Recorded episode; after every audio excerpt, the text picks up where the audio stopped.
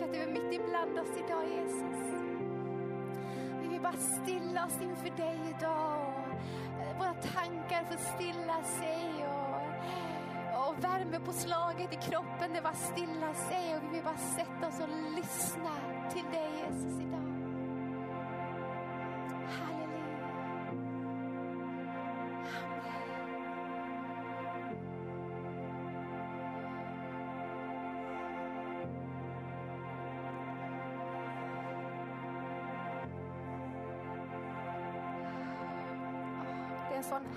Eller Guds närvaro på denna platsen.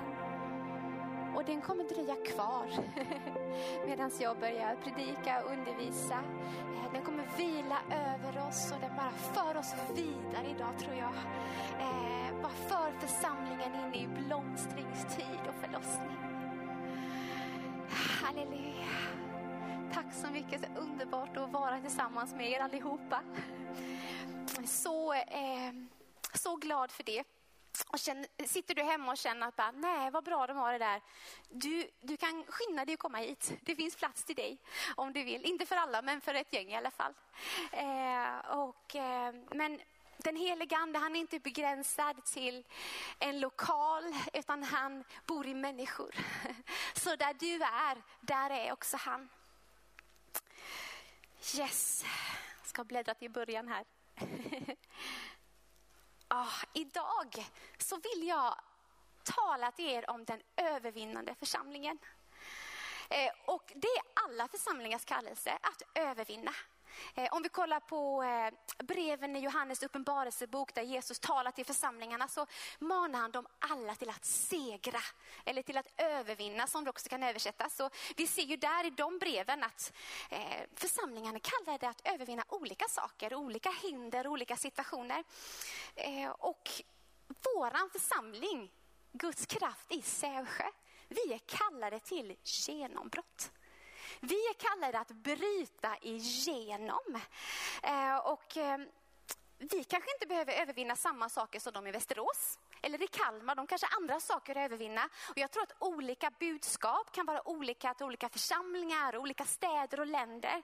Men jag tror att Gud verkligen vill säga någonting till oss. Eh, mitt budskap idag påminner lite om Davids underbara budskap förra helgen. Eller om Karinas budskap för några veckor sedan. Och det är det ju inte så här att Gud liksom har dålig fantasi, att man sitter och bläddrar här och bara, vad ska jag säga till dem i Sävsjö? Och liksom han, han tar fram samma predikokort varje gång. Men, äh, de får det här en gång till. Liksom. Det är inte så, utan han vill säga någonting till oss. Jag tror att detta budskapet är en nyckel för våran församling, för den tiden vi lever i nu. Ja, jag tror att vi ska börja praktisera detta och ta tillvara på det. Inte bara låta det liksom gå förbi utan bara, vad betyder detta för mitt liv? Eh, när vi tänker på att övervinna så tror jag att vi kanske ser lite samma sak. Vi ser liksom en, en, eh, en stark församling klädd i hela vapenutrustningen, fylld av trons ande, liksom bara är redo att rycka in och inta löfteslandet med ett härskri. Jag tror att det kan vara så, eh, men jag tror kanske att vägen dit ser lite annorlunda ut än vad vi tror ibland. Det är inte liksom att andens pump att vi pluggar in i den och han pumpar, pumpar, pumpar, pumpar upp oss som en stor badfigur.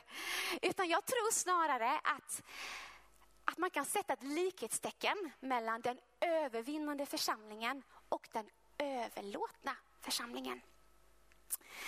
Eh, och denna predikan blir lite som en fristående fortsättning på det jag pratade om förra gången. Så bara för sammanhangets skull ska jag bara dra en kort repetition av det. Eh, summan av det jag delade förra gången var att Jesu blod, det räcker för dig. Hans blod har betalat priset för allt, för hela ditt liv. För allting som har varit och för allting som, har kom, allting som kommer att ske i ditt liv. Så räcker Jesu blod för dig. Det räcker för din kropp, det räcker för din ande, det räcker för din själ vi genom Jesu blod får tillbaka gemenskapen med Gud. Ingenting skiljer oss från Gud. Eh, när vi tror på det som Jesus har gjort så blir frälsningens kraft förlöst i vår ande, i vår själ och i vår kropp. Och på blodets grund kan vi också få ta, till, få ta emot den platsen vi hade hos Gud innan synden kom in. Vi blir igen på nytt Guds barn. Och Bibeln kallar det för att du är rättfärdig genom tro. Och jag hoppas att du har ätit denna maten hemma för jag vet att den är så viktig för denna tiden, för församlingen i den sista tiden. Hur kan jag veta det? Jo, i den sista boken i Bibeln, i Johannes uppenbarelsebok, så den behandlar den sista tiden innan Jesus kommer tillbaka. Där kan vi läsa i kapitel 12 eh, om hur Satan han förlorar sin plats i himlen. Guds änglar tillsammans med Guds heliga river ner Satan från hans plats. Och det som Jesus ropade ut när han gick här på jorden, omvänd er för himmelriket är nära, det får sin fullbordan där. Och då står det så här, jag hörde en stark röst från himmelen säga, nu har frälsningen och makten och riket blivit Guds och väldet hans moders. I kärnbibeln så står det så här, att Jesus har blivit smord till kung och fått all makt. Det är det som ska ske. Eh, vi ska läsa från Hebreerbrevet 10 och vers 12.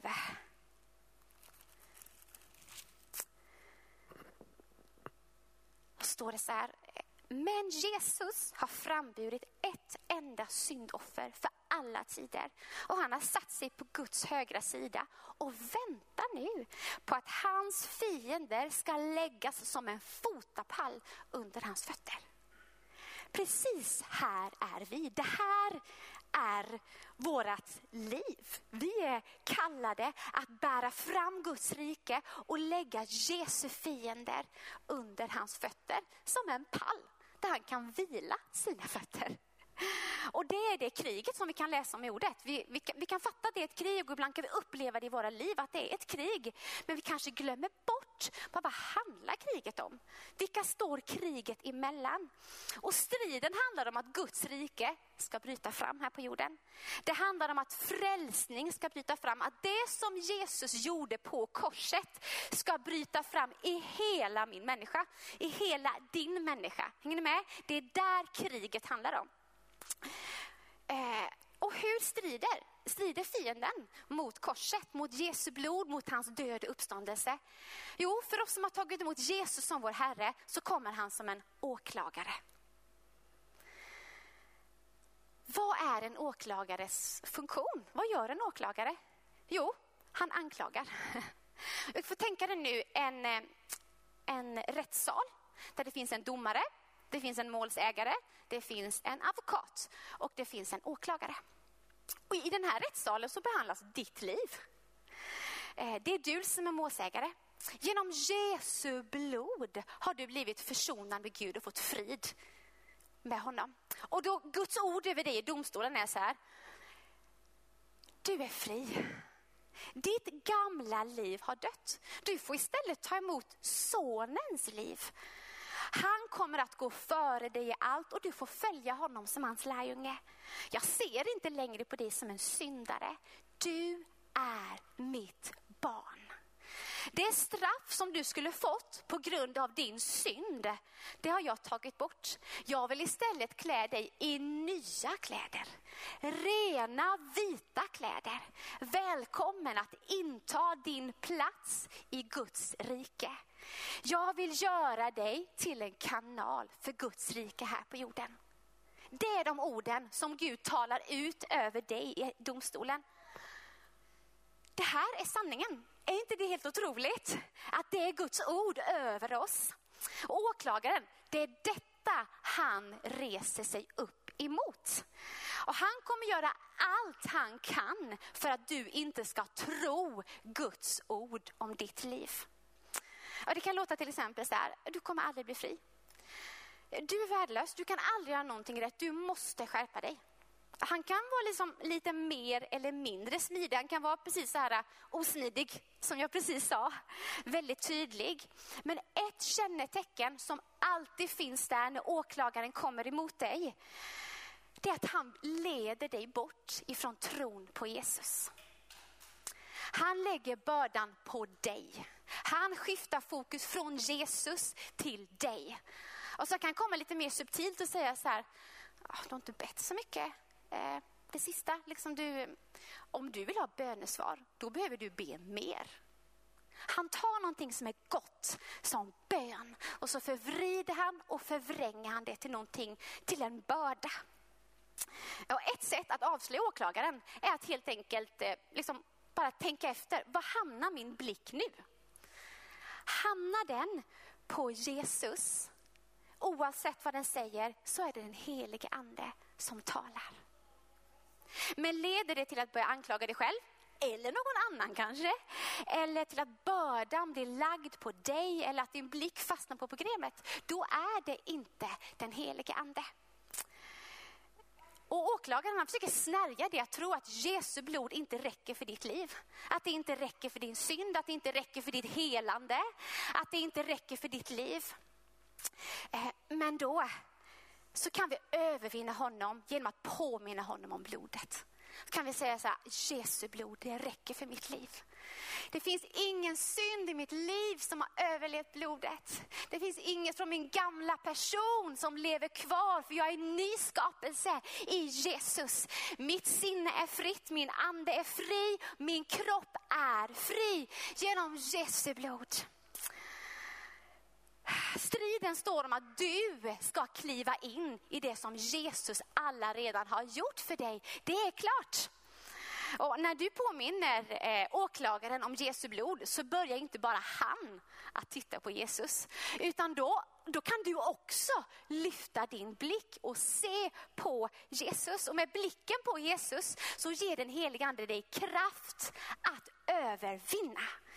Det är inte genom din egen styrka, det är inte genom att du bara mm, skärper dig. Utan det är genom hans kraft, genom hans ande sker det. Eh, och vi ska läsa Uppenbarelseboken igen från kapitel 12 och vers 11 och gå in i dagens ord. Där står det så här att de övervann honom genom lammets blod och genom sitt vittnesbörds ord. De älskade inte de älskade inte sitt liv så högt att de drog sig undan döden. Vi övervinner åklagaren, lika med Guds rike bryter fram. Vi övervinner åklagaren genom Lammets blod, genom vårt vittnesbörds ord. Vi älskar inte vårt eget liv in till döden. Och första punkten behandlade vi lite snabbt i början. Eh, och förra gången jag predikade. Idag ska jag försöka bena ut de andra delarna av detta. Jag tror verkligen att Gud vill ge oss nycklar för våra liv. Vi övervinner åklagaren genom vårt vittnesbörd. Jag tror att eh, eh, vi som är med i församlingen och alla som har någon koppling till en församling har samma association till vittnesbörd. Eh, och eh, det är att vi liksom bärar av någonting vi sett eller upplevt eller hört. Och när vi delar ett vittnesbörd så är det liksom det vi bär fram. Det här är det som Jesus har gjort för mig. Eh, och det är fantastiskt. Och det gör att vi kan glädjas tillsammans och bara tack Jesus, du är så god Gud. Eh, och det också väcker någonting i varandra. Bara, Åh, wow, har det hänt i ditt liv? Då, då får vi lite tro och tänker så här, men oj, då kan ju det hända för mig också. För vi vet att Gud gör inte skillnad på sina barn. Men eh, jag tror faktiskt inte att det är denna typen av vittnesbörd som det står om i denna versen. Varför tror jag inte det? Eh, dels för att i grundtexten står det någonting annat. Men också är det så här att vittnesbördet som vi övervinner med och segrar med, det är inte kopplat till en känsla eller till en upplevelse, inte ens till ett helande. Och missförstå mig nu, det är ingenting dåligt i det. Det är ju fantastiskt, det är ju Guds hand som har rört vid ditt liv, som har mött dig. Men det vittnesbördet som ger seger, det behöver en annan tyngd. En auktoritet. Och det vittnesbördet är grundat i Guds ord. Det är den auktoriteten som står bakom vittnesbördet. Och det är andens vittnesbörd om Jesus. Förstår ni vad jag, mitt, eh, vad jag, menar? Att vi, att vi vittnar om det vi har sett och hört. Det tillhör lärjungaskapet och uppdraget vi har fått av Jesus. Att gå ut och predika evangelium, bota de sjuka, driva ut onda andar. Ehm, men denna versen i Uppenbarelseboken när det står om seger och övervinnande är så på ett speciellt sätt knuten till att vi är friköpta. Att vi är rättfärdiga genom tro. Vittnesbördet om Guds hand i ditt liv blir som en utsträckt hand till någon annan. Men andens vittnesbörd, det rotar dig ner i klippan. I Jesus, i Guds ordet och du blir helt fast. Du bara står helt orubblig av det. Det gör dig till en övervinnare och också till en öppen kanal för Guds rike. Och det är det som vi vill, att den här platsen vi bor på, Gud gör detta till en öppen kanal för ditt rike. Och jag tror att våra personliga genombrott öppnar upp kanaler för Guds rike. Och Gud vill att du på ett personligt plan ska bryta igenom. Att du ska få del av den frälsning som Jesus har köpt för dig. Att du ska få del av ditt arv som Guds barn. Och jag, jag kom att tänka på, eh, nu på morgonen bara när jag bad, så kom jag att tänka på, jag såg som en syn kan man väl säga när jag flyttade hit. Och jag stod i köket i mitt nya hus då och bara frågade den helige ande, vad ser du över Sävsjö? Och såg jag som ett eh, ett, eh, liksom ett, ett grått täcke över staden. Men sen plötsligt så började det skjuta upp pelare av ljus eller av eld och de bara puff, puff, puff, puff. Började gå ganska snabbt efter ett tag och helt plötsligt så bara boom så lyftes det upp och så var det helt öppet över staden. Och kanske hade jag tänkt så mycket, undrar vad det är liksom och sådär. Men jag tror att det är personliga genombrott. När vi får tag på det som Jesus har gjort för oss. Och det manifesteras i våra tankar, i vårt själsliv, i vår kropp. Jag tror att det bara blir som en kanal då som bara skjuter upp. Du ska bryta igenom. Nu ska vi läsa från Johannes eh, 14. I detta kapitel så introducerade Jesus den helige ande för lärjungarna.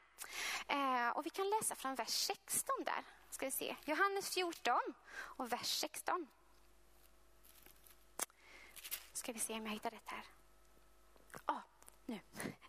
Och jag ska be Fadern och han ska ge er en annan hjälpare som alltid ska vara hos er. Sanningens ande som världen inte kan ta emot. Ty världen ser honom inte och känner honom inte.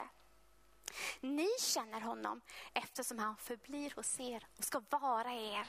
Jag ska inte lämna er faderlösa, jag ska komma till er. Så hoppar vi några verser fram till vers 26 också.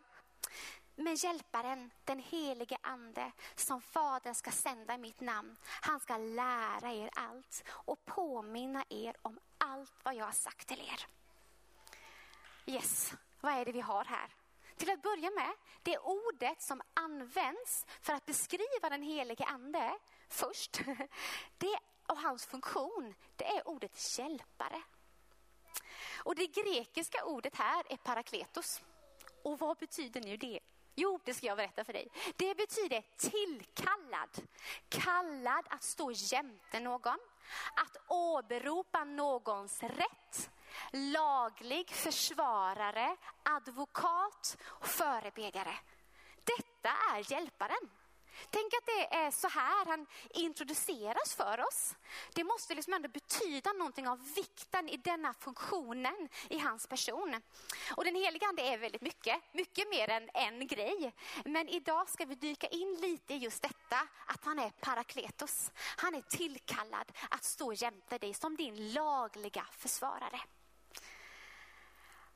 Han är sänd av Fadern att stå bredvid dig.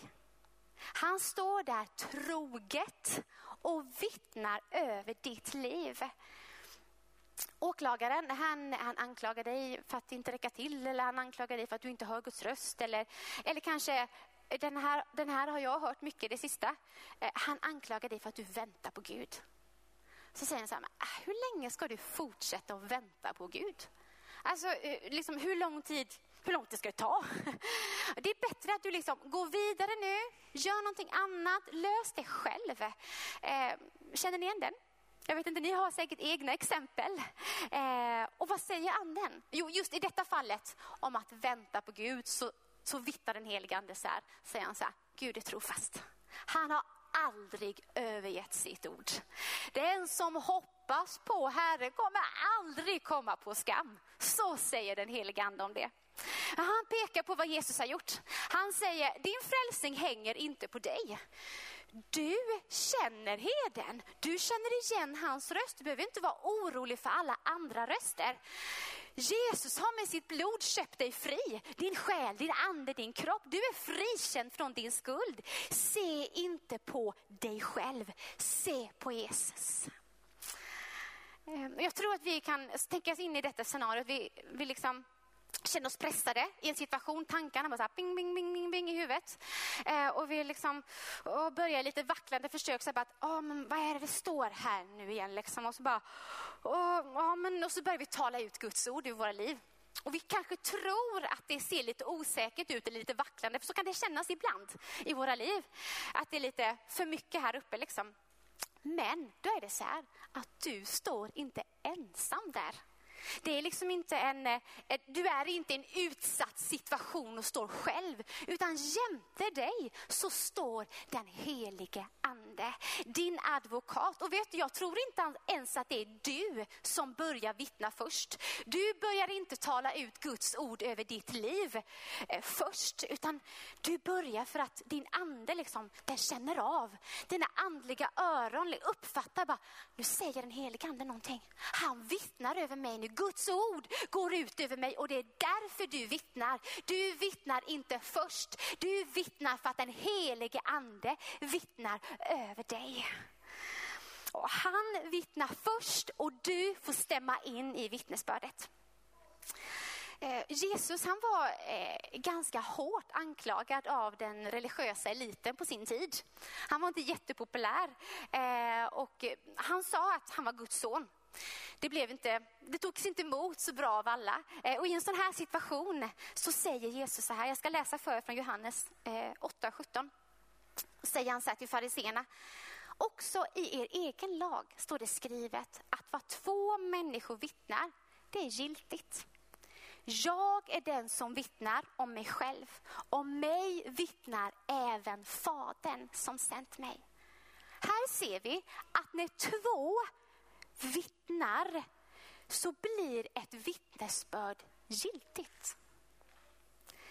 När du börjar säga samma sak som den helige ande gör över ditt liv, då blir Jesu vittnesbörd, det blir verksamt i ditt liv. Och jag tror att den helige ande ständigt vittnar över dig. Han står där dag och natt och vittnar och talar ut Guds ord över dig. Han, påminner, han pekar ständigt på Jesus och han påminner dig alltid om vad han har sagt och vad han har gjort. Och det är hans primära hjälp att han liksom bara, lyft blicken, titta på Jesus, se på Jesus, se på Jesus.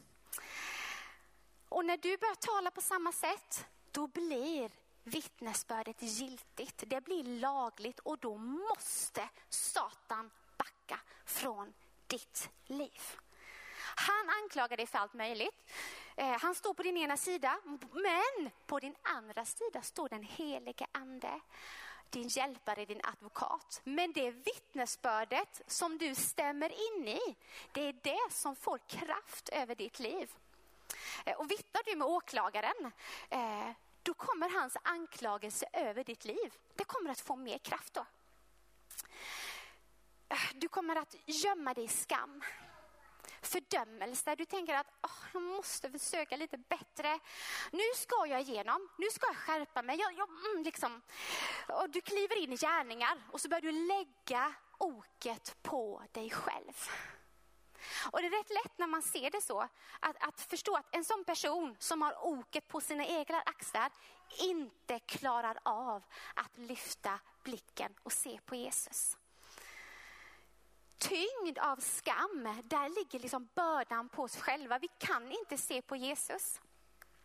Men börjar du vittna tillsammans med den helige ande, då är det ett annat vittnesbörd som får kraft. Och det är Jesu vittnesbörd. Och på ett sätt så är det liksom inte, åklagaren är inte ute efter dig personligen. Du är bara ett Herrens kärl. Det han verkligen vill åt, det är ju Jesus. Han vill med allt han har att Guds rike inte ska bryta fram här på jorden. För då vet han att han tappar mark. För när Guds rike bryter fram i ditt liv så bryter det fram här på jorden. Och då påskyndar vi Jesu återkomst. Och han vet att när Jesus kommer tillbaka, då är tiden slut. Och det är därför han står dig emot. Och våra egna vittnesbörd har inte så mycket eh, verkan på åklagaren. Alltså han kan ta allt och förvrida och förvränga. Ger du han ditt eh, vittnesbörd om att du är helad, bara, jag vet att Gud finns, han har helat mig. Eh, kommer han och säger så här, ah, nej, du bara hittade på, det var bara en känsla i dig. Liksom. Du ska se att du kommer tillbaka. Typ så kan han göra, han kan förvrida och förvränga allt.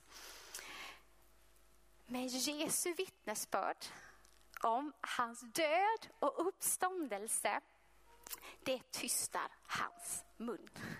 Han och alla hans demoner vet vilken fullkomlig seger det var den dagen när Jesus dog och när han uppstod. Och det vittnesbördet får honom att tysta i ditt liv. Och det är det vittnesbördet som anden vittnar över oss alla, som han vittnar över varje troende. Och när du börjar vittna med honom, då måste åklagaren backa, för han vet att han har inget på det vittnesbördet.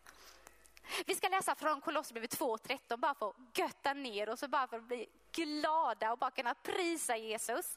För det här är så härligt. Det talar om denna seger. Kolosserbrevet 2.13 ska vi gå till.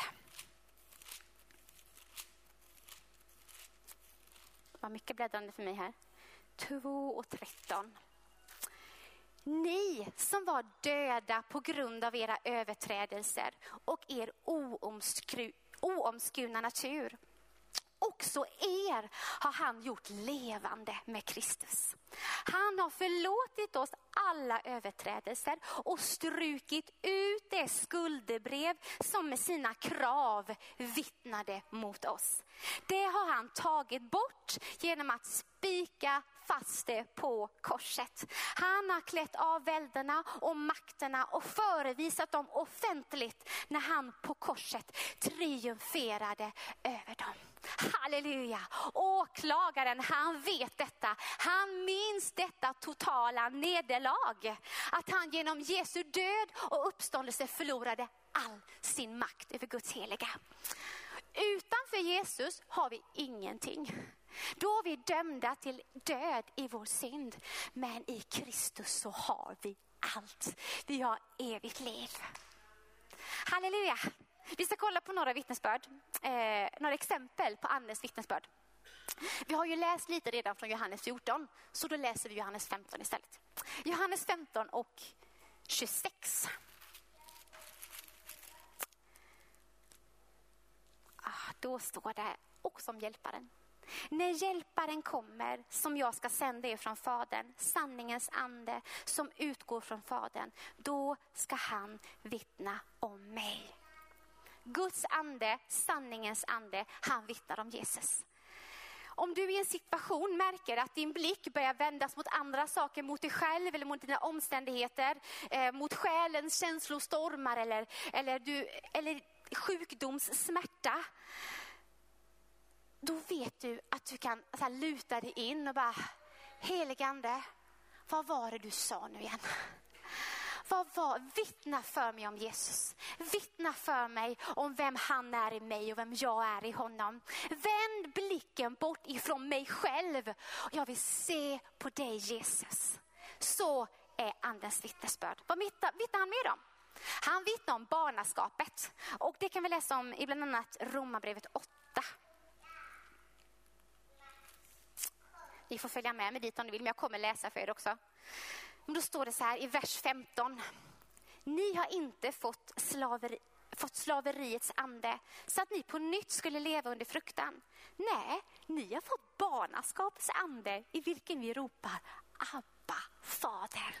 Det här är också en jätteviktig del av andens vittnesbörd. Och tänker man, hur kan det vara det? Liksom, vi, vi eh, så mänskligt kopplar ihop kärleken egentligen med en känsla av att det känns bra, jag känner mig trygg för att jag är älskad. Men det finns ett sånt djup i barnaskapet, i att du är Guds barn.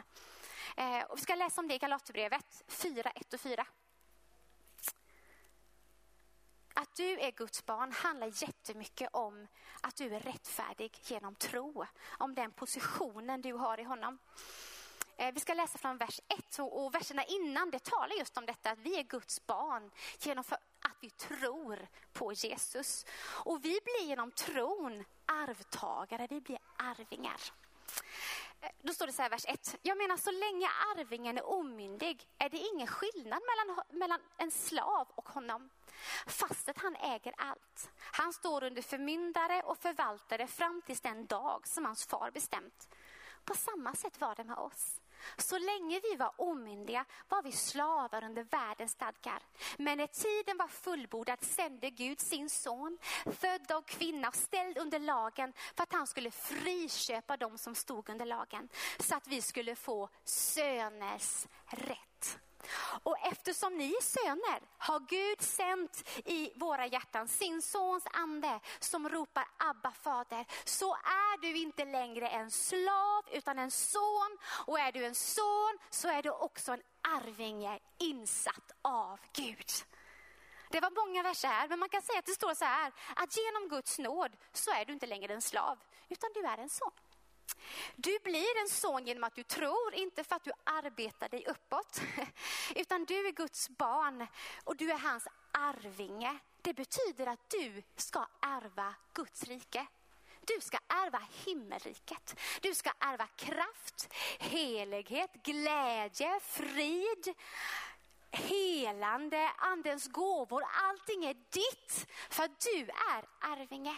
Du ska bli en kanal för Guds rike. Så som i himmelen, så och på jorden. Och om Guds rike flödar utifrån barnaskapet, att du är Guds arvinge, så förstår man ju att, att åklagaren gärna vill täppa till den här kanalen. Att vi inte ska liksom få denna stabila trygghet av att vi är Guds barn. Och jag, alltså jag ber att Gud ska uppenbara djupen av barnaskapet för oss. Jag tänker så här, skulle vi inte vi kunna göra det ihop? Att vi under denna sommaren bara, Gud vad innebär det att leva praktiskt i att jag är Guds barn? Hur ser det ut? Vad innebär det för mitt liv? Så kan vi ha en utvärdering sen på församlingsdagen. Låter inte det som en bra idé? Kom igen. Ja. Jag gör det så, så hörs vi om det senare. En annan sak som anden vittnar om det är blodsförbundet. Eh, och det kan vi läsa om i Hebreerbrevet 10. Hebreerbrevet 10 är en sån fantastisk, eller ja, Hebreerbrevet boken är en sån fantastisk bok som uppenbarar så mycket av Jesus. Eh, nu är jag på fel, fel del av Bibeln här. Nu är jag i kapitel 10 och vi ska läsa vers 16 fram till 18. Detta är det förbund som jag ska sluta med dem efter denna tid, säger Herren. Och sedan, jag ska lägga mina lagar i deras hjärtan och skriva dem i deras sinnen. Och deras synder och överträdelser ska jag aldrig mer komma ihåg. Och där synderna är förlåtna behövs det inte längre något syndoffer. Vad betyder detta ordet? Jo, det betyder så här att det finns en Gud och den guden, han har slutit ett förbund med dig. Med sitt blod har han gjort det. Ett förbund som hänger på honom genom nåd. Och han säger så här, jag lovar att förvandla dig till den grad att ditt hjärta blir likt mitt. Jag ska lägga mina lagar, mina vägar i ditt hjärta. Du ska få samma sinne som mig. Och jag lovar att utplåna din synd, att inte behandla dig och handla med dig som en syndare, utan som en son. Om detta vittnar anden för församlingen. Detta är också någonting att gå djupare i denna sommaren. Blodsförbundet. Och som jag sa förut så ser jag att den som lyssnar och vittnar med åklagaren, den, den fixar inte att titta på Jesus. Och när vi hamnar i en sån position så fastnar vi. Vi kommer inte vidare, det blir som en nedåtgående spiral. vad händer med någon som har tappat blicken på Jesus? Vi tappar modet, vi tappar vår styrka, vi vågar inte längre komma till nådens tron för att få nåd och hjälp i rätt tid. Trots att Jesus står där och säger välkommen till nådens tron. Jag, jag har förlåtit dig din synd, du är välkommen. Men den som vittnar med anden, han vågar att se på Jesus. För att en sån person fattar att, eller, att det bara hänger på Jesus. För det är det som ordet säger, ditt liv är lagt bara på honom. Jag, förstår, jag har ingenting att berömma mig av. Alla mina egna försök har fallit platt. Jag står här helt tomhänt och jag tar emot av din nåd. Det är sant att det är Guds godhet som leder oss till omvändelse. Lammets blod plus andens vittnesbörd. Eh,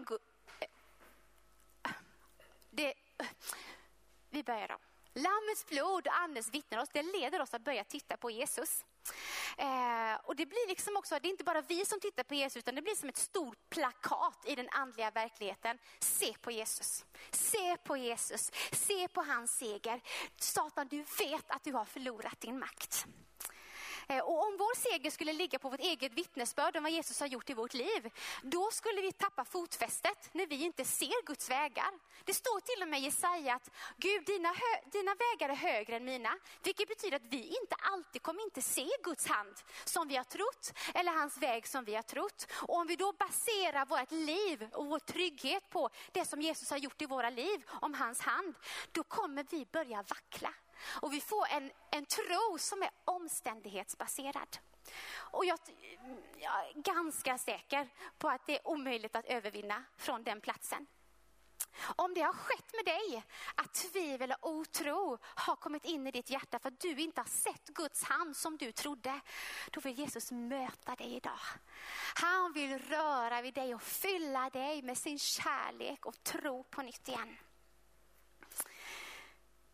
Ja, i Uppenbarelseboken 12 så står det ju att vi, Guds folk övervinner åklagaren med Lammets blod, Andens vittnesbörd och de älskade inte sitt liv intill döden. Vad betyder det? Jag vet inte, det, det känns kanske som att eh, under det senaste året så har kanske människor faktiskt tänkt mer på döden. Liksom, vad innebär det att leva ett liv eh, där vi inte är rädda för att dö. Vad innebär att släppa taget om sitt liv så pass mycket att vi inte räds att dö? Och detta är också en del av att segra. Det är en nödvändig del för Guds folk. Och vi, församlingen i Guds kraft i Sävsjö, vi behöver vandra denna vägen. Eh, jag har ett bibelstudium på detta. Men jag ska inte ta det. Vill du ha ett bibelstudium på detta så kan jag mejla det till dig. Men jag skulle istället bara vilja dela profetiskt vad jag upplever att detta betyder att inte älska sitt liv in till döden och vad det betyder för denna tiden och för församlingen i den sista tiden. Heligande hjälp mig. Jag tror att detta med att inte älska sitt liv in till döden är i praktiken att leva i kärlek. Att dö bort ifrån sig själv är att vandra på den höga vägen. Kärlekens väg, den fullkomliga vägen. Och jag tror att bära sitt kors dagligen och följa Jesus, att det ser ut som kärlek. Det stavas kärlek. För några år sedan så lyssnade jag på ett klipp och eh, jag har försökt att komma ihåg vad den här mannen hette. Kanske heter han David. Eh, men han och hans familj var i alla fall missionärer i, i Mellanöstern. Och han sa så här, tror du att du är bättre än de generationer som har gått före dig? Och jag var liksom lite stött. Bara, vad menar han? Så uppenbarligen så trodde jag att jag var bättre än de generationer som gått före mig. Ehm, och jag funderade länge på vad han menade. Jag tror att den väckelsen vi ber om, att vi ber om Guds regn, Guds härlighet, att Guds ande ska bli utgjuten. Det skulle mycket möjligt kunna vara den sista stora väckelsen innan Jesus kommer tillbaka. Jag tror det. Och han har sparat det bästa vinet till sist. Vad betyder det? Jo, det betyder att allt som Gud gör är från härlighet till härlighet. Och oavsett hur mycket vi har sett eller hur mycket vi har mött av Gud så finns det alltid mer. Och jag tror att den väckelse som kommer är fullheten av honom. Allt han är vill han utgjuta genom sin församling för att så många som möjligt ska kunna omvända sig innan han kommer tillbaka. Om det är fullheten av honom som ska komma betyder det att det är inget av oss. Ingenting mänskligt, ingenting världsligt. Vad betyder det? Jo, att allting vårt eget behöver dö. För att annars är det inte bara Gud. Annars kan det inte bara vara han. Och hur ser det ut? Jo, det är kärlekens väg. I kärleken så finns det ingenting som söker eh, ditt eget bästa. Det finns inget som ger dig ära. Det finns inget stolt, inget högmodigt. Det finns inget som pekar på en människa. Det pekar bara på Jesus. Om vi väljer att söka kraften och Guds härlighet utan att vandra ett liv i kärlek kommer vi förr eller senare att ge Satan ett tillfälle att pervertera och förvrida och förvränga. Istället för att kraften kommer att dra människor till Jesus så kommer kraften att leda människor bort från Jesus till en människa.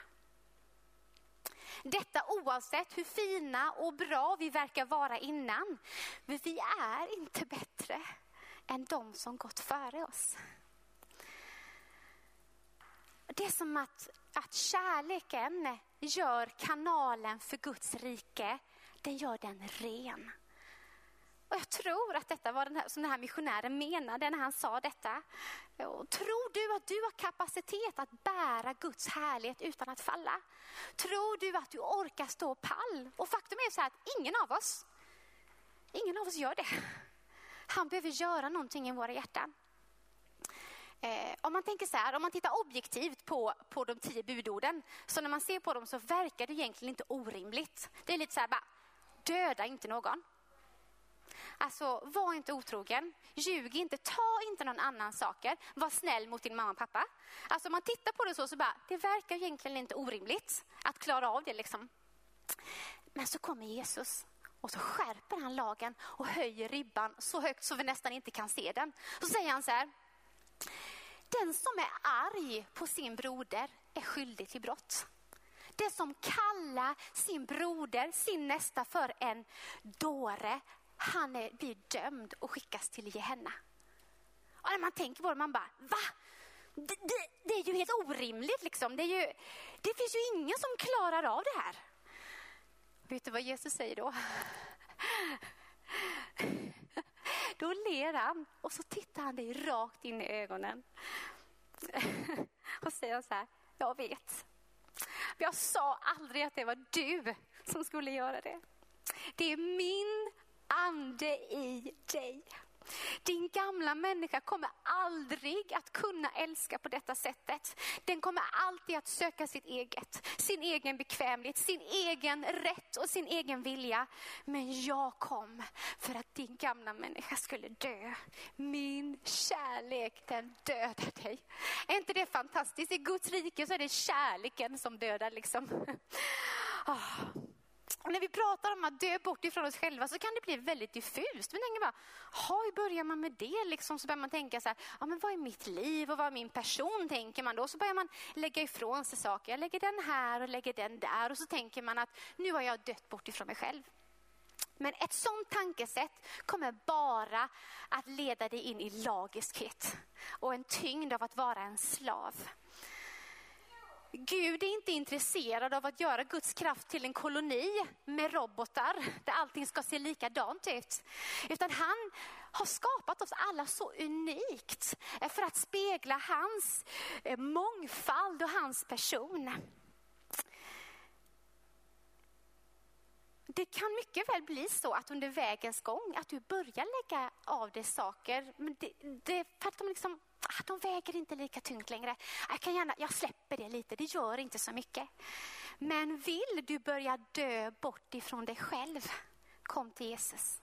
Och så börjar du älska din man. Så börjar du älska din fru. Så börjar du älska dina barn dina syskon, din familj. Så börjar du välja kärlek till din vän. Så börjar du välja kärlek till församlingen. Du börjar, jag väljer att förbli i kärleken. Och det kan vara, det är så jobbigt att döda sitt ego. För i kärleken så finns det inte utrymme för något ego. Eh, och det kan vara väldigt jobbigt, men det är ju liksom den enda vägen vi kan vandra. Jag tror att det är en nödvändighet för att vara en ren kanal för Guds rike. Och det är som att när vi ser kärleken så dör vi. Det är omöjligt. Jag klarar det inte. Det går inte. Du måste röra vid mitt hjärta, känner man varje dag. Jag känner i min ande att genombrottet för församlingen är närma. Alltså det är nära nu och, och helt ärligt så känner jag mig liksom, eh, jag känner mig mindre redo nu än jag kände mig förut. liksom, det kommer så nära och jag har bara bett de sista veckorna, bara, åh förbered mitt hjärta Gud. Bara, eh, man vet ju inte exakt vad det är som ska hända. Liksom, man bara, vidga det, krossa det, plöj det. Eller, du vet, det är lite som eh, eh han tjurfäktaren i Tjuren Ferdinand, han bara, bit mig, stånga mig, gör, gör vad du vill, liksom, men bara gör mig redo. Eh, och det är det här jag menar med att den övervinnande församlingen är en överlåten församling. Det är liksom inte en uppumpad karnevalfigur som ska gå runt här på, staden, eh, här på gatorna i Sävsjö. Utan det är en gemenskap som är helt överlåten till Jesus som inte har något mer att berömma sig av än av Jesu vittnesbörd. Det är en församling som har dött bort ifrån sig själv och lever i kärlek. Och i en människas ögon så ser det väldigt svagt ut. Eller hur? Man tänker så här bara, men det är väl inte direkt en person som kan rycka fram och inta löfteslandet. Men i Guds ögon är det precis ett sånt kärl som han kan fylla med sig själv. Till ett sånt, sånt kärl säger han, du är redo för härligheten. Jag kopplar på här, nu kommer det. För Herrens ögon överför jorden för att han med sin kraft ska hjälpa dem som med sina hjärtan hänger sig åt honom. Jag tror att, att Gud liksom ställer en fråga till oss nu vill, vill vi vara med? Vill ni vara med och vara bärare av min härlighet? Vilket väljer du? Du som är en del av församlingen här i Sävsjö, vad väljer du? Vi har Guds uppmärksamhet. Hans ögon är vända mot oss här i Sävsjö. Och han liksom frågar oss här, vill du sluta kämpa själv och ge dig till mig? Vill du börja se på Lammets blod och se vad Jesu blod verkligen har gjort för dig?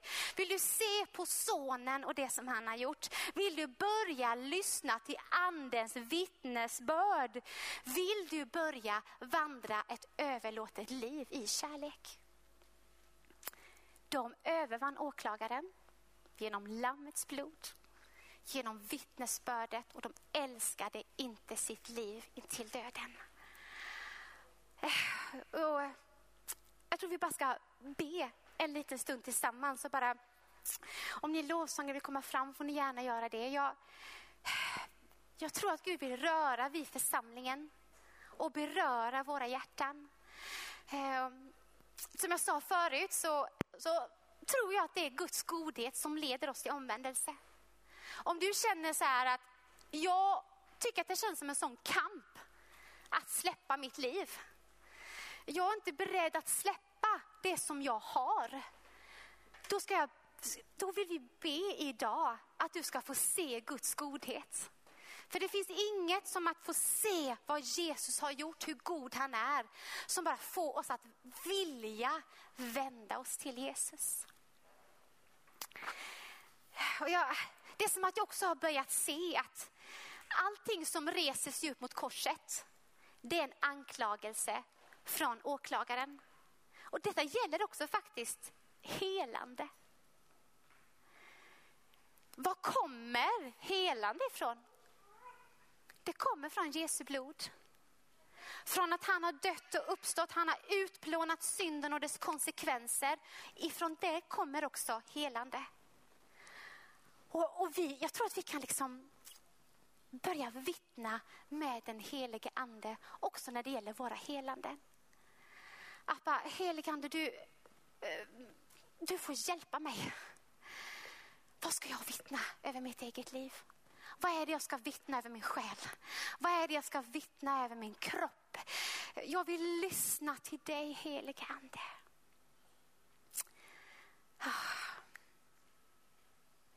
Jesus, jag tackar dig för att du har gjort allting klart. Allting är klart. Ditt verk är fullbordat.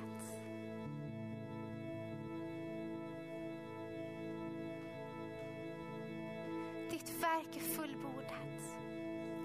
Jag tackar dig Fader för den kallelse du har gett till den här platsen av att bryta igenom.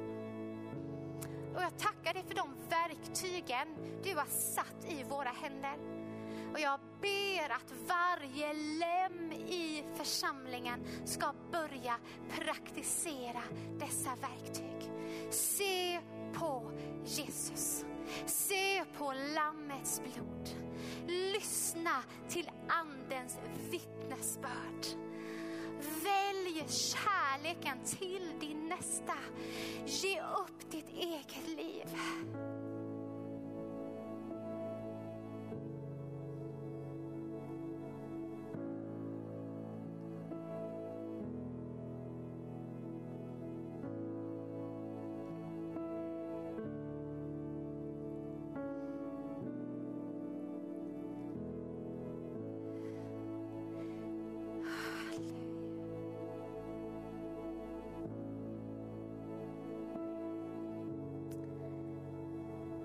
Så att Gud kommer som antingen eller.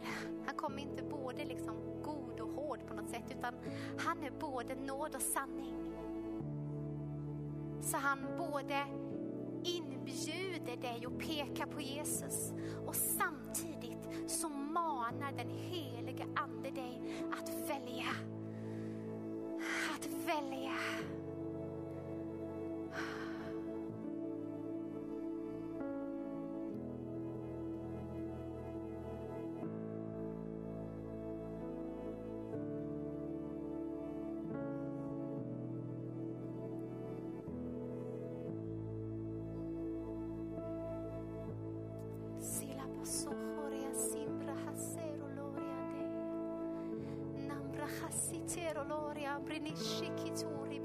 La mandeya la jambraria zorra bahara babrocola mambrene le sendeya lo combro sura lo mandeya Tack Fader att du i din godhet sträcker ut ditt svärd rakt in i våra hjärtan. Din godhet och din kärlek sträcker ut ett svärd och du rör hjärta denna dagen. Halleluja. Halleluja. Han säger att oroa er inte du lilla jord, du ska inte frukta. Jag har bestämt att ge dig riket. Halleluja. Jag ber att vi ska ta tillvara på ditt ord att vi ska tillåta ditt svärd att penetrera vårt hjärta.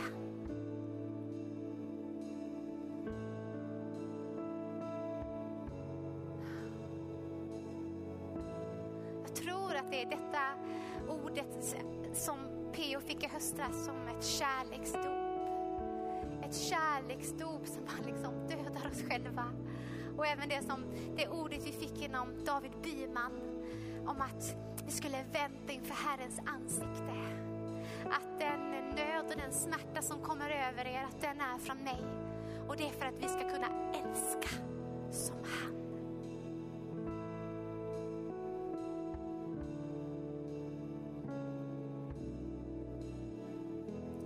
Vi sjunger den här sången.